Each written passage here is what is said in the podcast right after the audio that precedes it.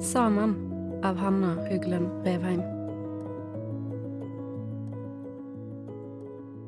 Ho og han, det starter i en vinter. I iskald vind og tjukk, våt snø som klistrer seg til kleda. Den grå buksa har lagt seg som et kaldt, tett lag om beina hennes. Vinden og snøen og de to. Det er tidlig morgen. Brøytebilen er ikke kommet ennå.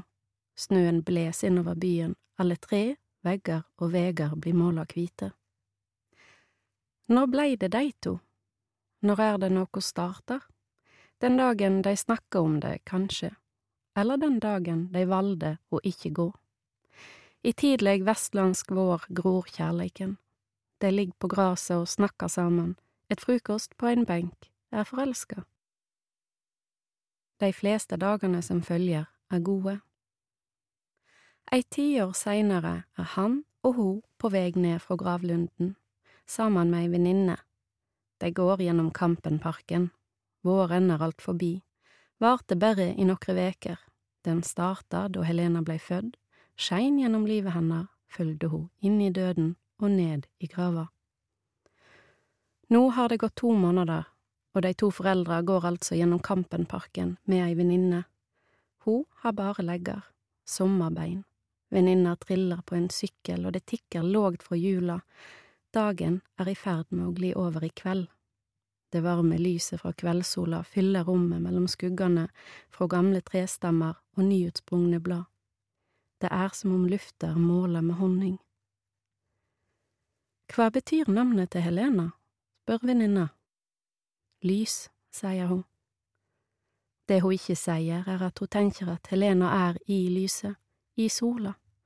Hun får seg ikke til å fortelle det, men hver dag ser hun rett på sola uten å blinke, heilt til det gjør vondt og hun ser hvite og svarte prikker etterpå, tenker at hun sikkert er i ferd med å ødelegge synet, men hun ser og ser og ser på sola, snakker med Helena inni seg, ber ei bønn om at tankene ber fram, at det finst noe større, noen som kan verne om den vesle og at de skal møtes igjen, om enn bare som nytt gras i en vår mange år fram i tid, eller noe annet, bare så lenge det finst noe.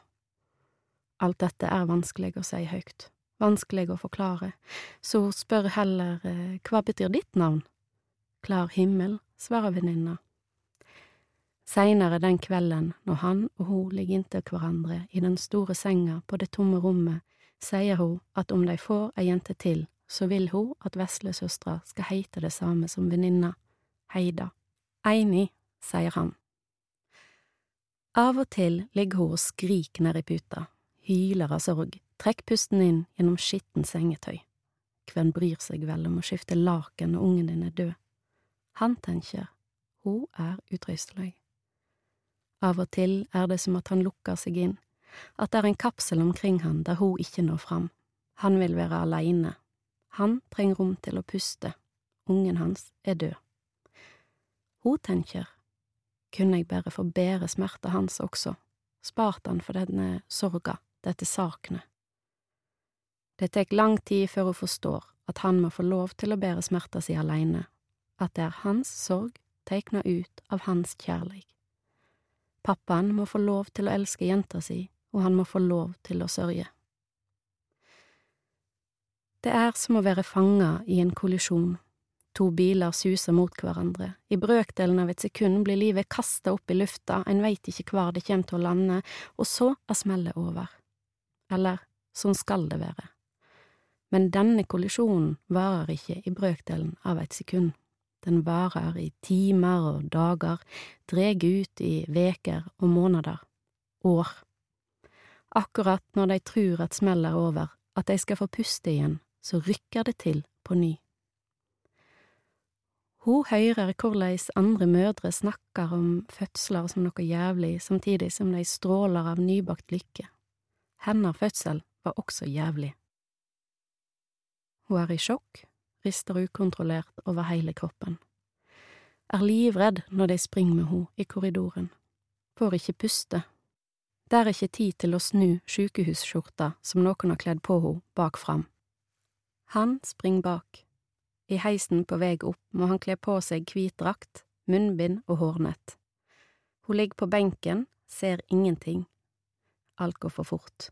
Hun har vært innlagt i vekevis med alvorlig svangerskapsforgiftning. Time for time, dag for dag. Ingen trodde at graviditeten skulle vare så lenge. Nå er det i noen dager forbi veke 28, det magiske tallet. Fra nå av er det håp. Så snur verden på hovedet i løpet av et par minutter. Alt blir kaos.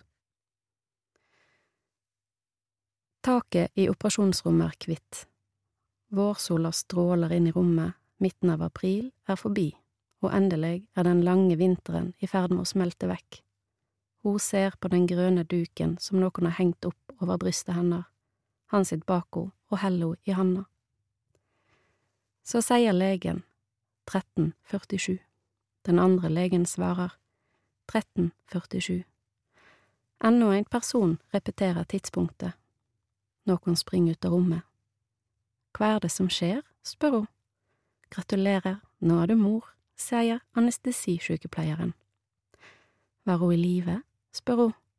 Sekunder før hun får svar, er evig lange. Barnelegen har tatt henne ut av rommet for å arbeide med henne, sier anestesisykepleieren. Det var ingen barnegråt. Brystet snører seg sammen, hun får ikke puste, lufta kjem ikke inn. Han lener seg fram, blå øyne finnbrune. Pust sammen med meg, sier han. Så kjem barnelegen tilbake. Alt går bra. Han skal få sjå si vesle Helena, kjem tilbake til operasjonsstua som en stolt pappa. Hun tenker at det stråler av blikket hans. Han går med så rak rygg. Den dagen blømer hvitveisen langs de bratte fjellsidene i vest. Besten plukker en liten bukett for sitt første barnebarn. Hvite små blomster står på kjøkkenbordet heime i Arna. Løvtynne blad og grønn stilk. Besto sender et bilde av dei til henne der hun ligger etter operasjonen. Hun smiler i ørska. Det første døgnet er hun for dårlig til å se jenta si men han viser både bilete og film. Barnelegen kommer innom. Helena er veldig sterk og helt frisk, puster på romluft, sier legen og legger til dette kommer til å gå bra. Etterpå kommer en sykepleier og sier jeg vil du skal vite at legene bare sier sånne ting når de er 100% sikre. Hun er enormt letta. Kjenner ro. Når han blir redd for den vesle, så prøver hun å trøyste det kjem til å gå bra med Helena, jeg føler det på meg, jeg kan kjenne det, sier hun, som om magekjensle betyr noe. Dagen etter får mora møte barnet sitt, triller ned til nyfødtintensiven i ei sjukeseng, lykkelig. Der ligger hun, vesle Helena, den fineste solstrålen. Hun er lita, men overraskende stor, har runde kinn, lysebrunt hår og en blå smokk gløtter med øynene inne i kuvøsa. De er mørke som mora sine. Helena spytter ut smokken, skrik, blir rolig når hun får smokken tilbake, er varm å ta på, skjør og halve rundt. Mora gret av glede, nynner på den første sangen. Faren gret med henne, legg handa på skuldra hennes, de er der sammen, denne nye familien, for første gang. Morgenen etter våkna hun med et rykk. Ut av morfinsøvn, ut av svangerskapsforgiftning og anemi. Det er som at hver eneste celle i kroppen skriker at nå gjelder det, nå må du passe på ungen din. Aldri før har hun kjent på ei liknende uro. I rommet der foreldra sover, er det mørkt og stille.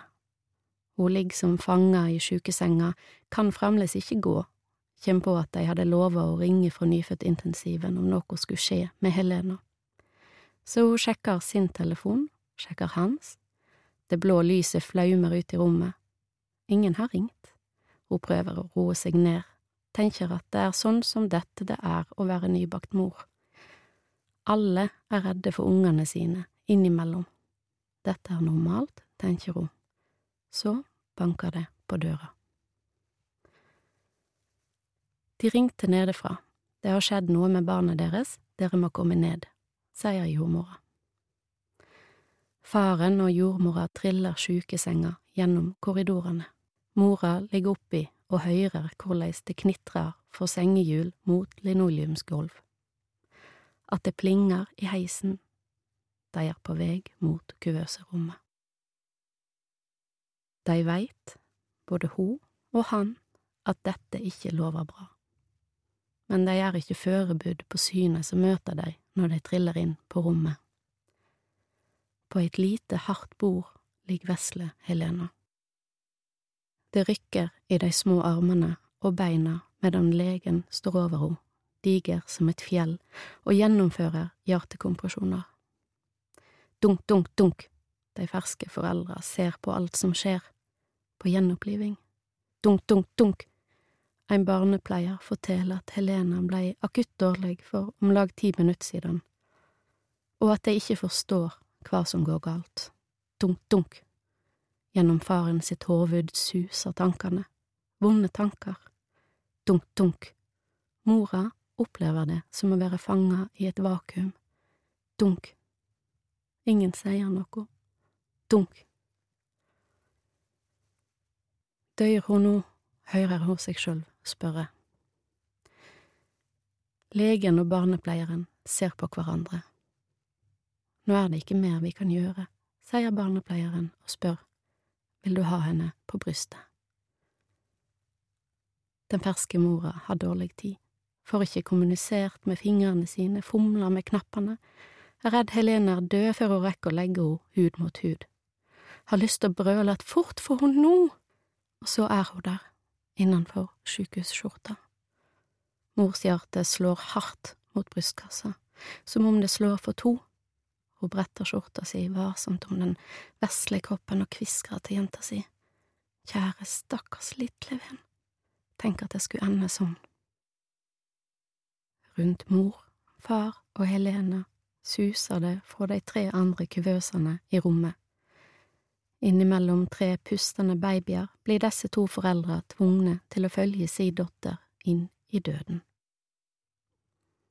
De koser med Helena, byter på å holde henne, kysser henne og forteller Helena hvor høyt hun har elska, at hun alltid vil være elska, at hun ikke skal ha det vondt. De gret, de skrik, de bryter sammen. En gang når mora stryker Helene over foten, forstår hun hva som skjer. Tærne er blitt kalde. Hun veit at nå er døden her, døden tar over kroppen, livet ga slipp, de får det aldri tilbake. Han som eh, skulle bli stolt pappa på trilletur, blir i stedet en mann som triller kona si i rullestol opp og ned fra stillerommet der de besøker sin døde datter. Mellom etasjene må de bruke heisen ved fødeavdelinga og barsel, for den andre heisen er ute av stand. På denne delen av turen legger hun som regel et lyseblått teppe over seg. Som spøkelseskladden sitter hun der, orker ikke se på de lykkelige fremmede, orker ikke at de ser på henne.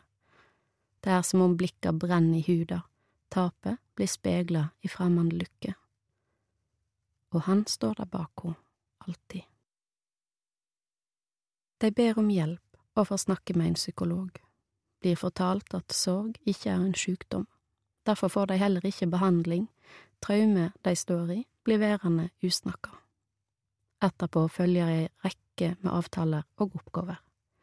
Taktfast løyser de det sammen, planlegger gravferd og inviterer folk, prøver å rekne på hvor mange det er plass til i kapellet, vel musikk, lager hefte, finne sanger, skriv minneord, vel blomer, vel tekst til bårebuketten, skriv brev.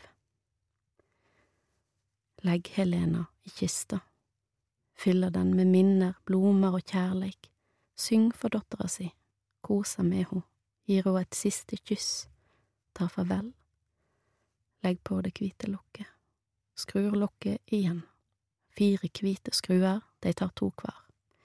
Hun sliter med den som er oppe til venstre, får liksom ikke tak om skruen, fingrene er stive. Han hjelper, løfter kista opp, legg kista i den vesle bårevogna, la gravferdsdama trille den ut av rommet. Kollapser. Veit, veit, veit at de aldri, aldri elsker unge, veit at de aldri skal få halde, kjenne, stryke, kose, kysse, høre, lukte eller sjå Helena igjen. Seks dager etter døden følger de dattera si til grava. På bileta derifra står den ferske mora og smiler, hjernen er skrudd av og kroppen handler i kjente mønstre. Har de, eller hadde de, ei datter? Sorger kvit og fyller sjel og rom. Gang etter gang lytter de til musikken som de spilte for Helena en gravferda. Blood of the Sun, det svir i auga. Into my arms, det river sjela. Det repeterast og repeterast. Ingenting bringer Helena tilbake. Et par veker før jul får de vite dødsårsaka. At Helena var frisk og sterk, men at et navlekateter tok livet hennes. At ingenting tilsa at dette kunne gå galt, at hun ikke hadde det vondt, at det var ei ulykke, at også en frisk voksen ville dødd av det samme, at dette egentlig ikke kunne skje, men likevel skjedde. Ein feil.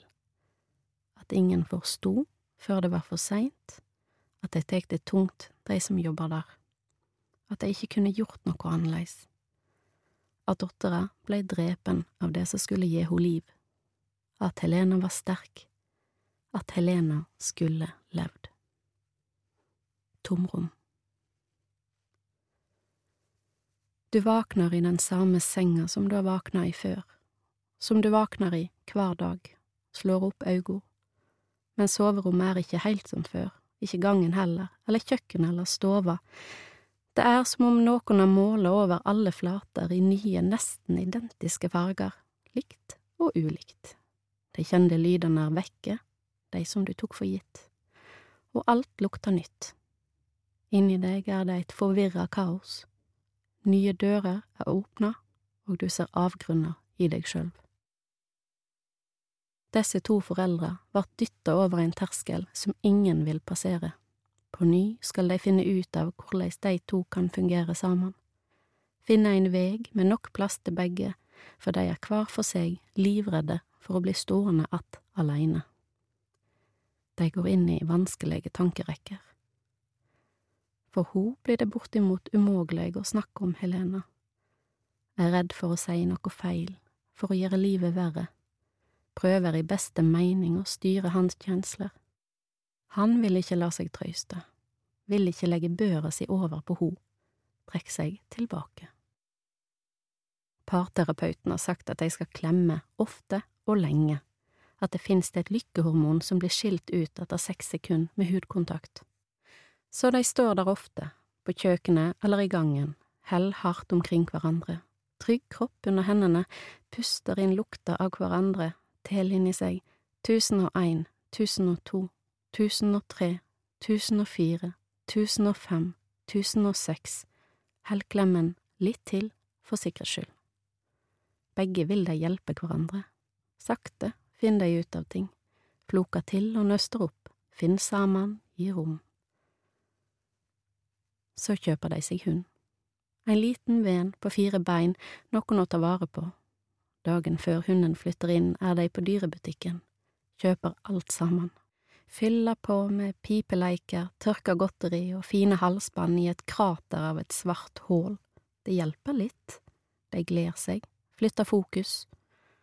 Når hun hulkegret i sofaen, sitter Tiki der fremfor ho og prøver å gi labb, slikker vekk ei tåre, flytter fokus. Fremmede har spurt om hunden er erstatning for barn.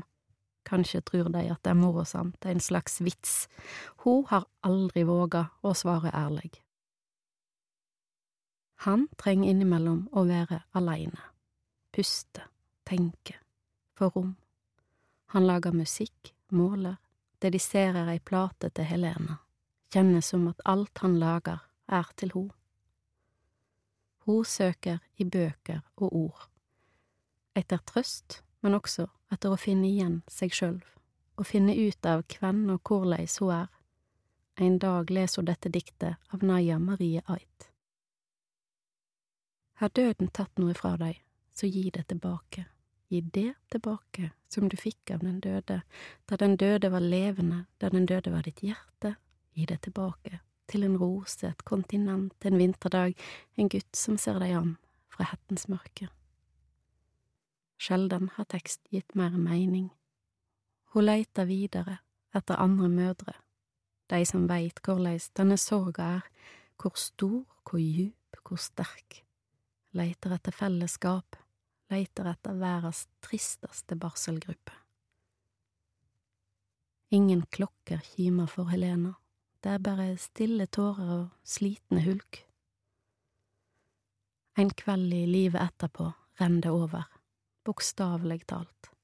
Et glass kvelver utover nattbordet, Vatnet renner nedover og inn i skuffer, plasker ned på gulvet i en veksende dam. Dette blir for mye, sier hun. Nå vil jeg ikke mer. Da legger han seg inntil henne, heller rundt, sier at nå skal de lage ei liste over fine ting. Annenhver gang skal han si noe, annenhver gang er det hennes tur. Blå himmel, lukta av gras. Når det glitra i sjøen den gangen vi var til en spåmann i Hongkong. Når sola snur og alle dager blir lysere. Der og da er det både latterlig og teit, banalt. Inni ho er det hålt, og i hålrommet finst bare mørke. Men så hjelper det allikevel. Og det går an å puste, og det går an å leve. I ettertid tenker hun at dette er noe av det fineste noen har gjort for henne noen gang. Det finst en sprekk i alt, og slik slipper lyset inn, synker hun. Ni måneder seinere begynner magen å vekse på ny. Sammen er de glade, redde, triste. En ny vår passerer, sommeren glir forbi. Den siste helga i september er høsten for alvor festa grepet om Oslo. Det har regna tett i dagevis, men søndag ettermiddag bryter skylaget opp. Klokka 18.11 den kvelden kjem veslesøster Heida til verda. Utenfor vindauga strekk himmelen seg rosa inn i horisonten, kveldslyset fyller rommet. Har de ett eller to barn? Er de en familie på tre eller fire? De svarer både det ene og det andre. Det er ikke så lett. Men de er fire. De er i Helena, og Helena er i deg.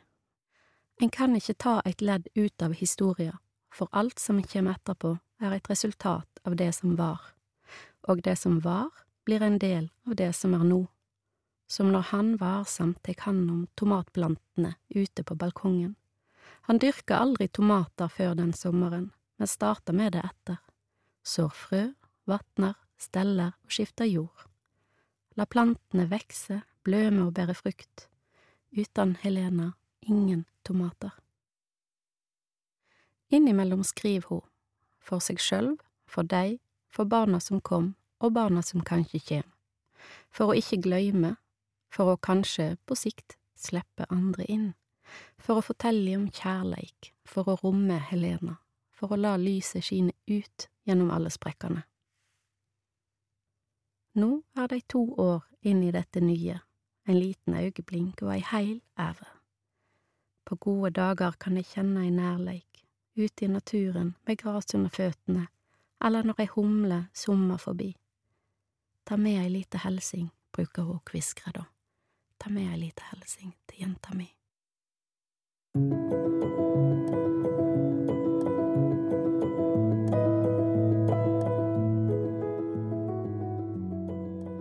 Nå er det fire år siden Helena døde, og det er fire år siden psykologen sa til oss at sorg er ingen sykdom. Fremdeles er det sånn mellom oss at en av oss fikk psykisk helsehjelp gjennom privat helseforsikring gjennom jobben, og en av oss jobbet i det offentlige og fikk ingenting. For meg som har mistet barn, som har snakket med mange andre som har mistet barn, så virker det som at sorg med en gang det er en del av bildet, så nuller det ut alt annet. traume blir liksom ugyldig, og det er ingen automatikk i at du skal få hjelp. Jeg syns det er et stort problem at denne gruppen med foreldre ikke blir tatt bedre vare på i det offentlige. Det er flere hundre barn som dør hvert år. Det er flere hundre foreldre som skal gjennom dette her hvert år. Om ikke annet så tenker jeg at det er dårlig samfunnsøkonomi i å la disse foreldrene gå og prøve å fikse ting sjøl. Og jeg syns at det også burde gjøres noe med sykemeldingsgrunnlaget. At man kunne innført sorgpermisjon, lik den man har i Danmark, eller noe tilsvarende, som gjorde at man faktisk ble sykemeldt med riktig grunn, og ikke fikk en psykisk diagnose, uspesifisert psykisk lidelse, depresjon eller angst, festet i journalen når det ikke er det som er problemet.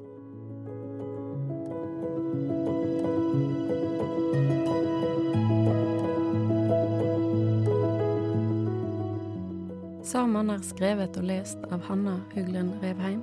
Podkasten er utgitt av Landsforeningen uventet barnedød med støtte fra stiftelsen DAM. Produsert av Nitro.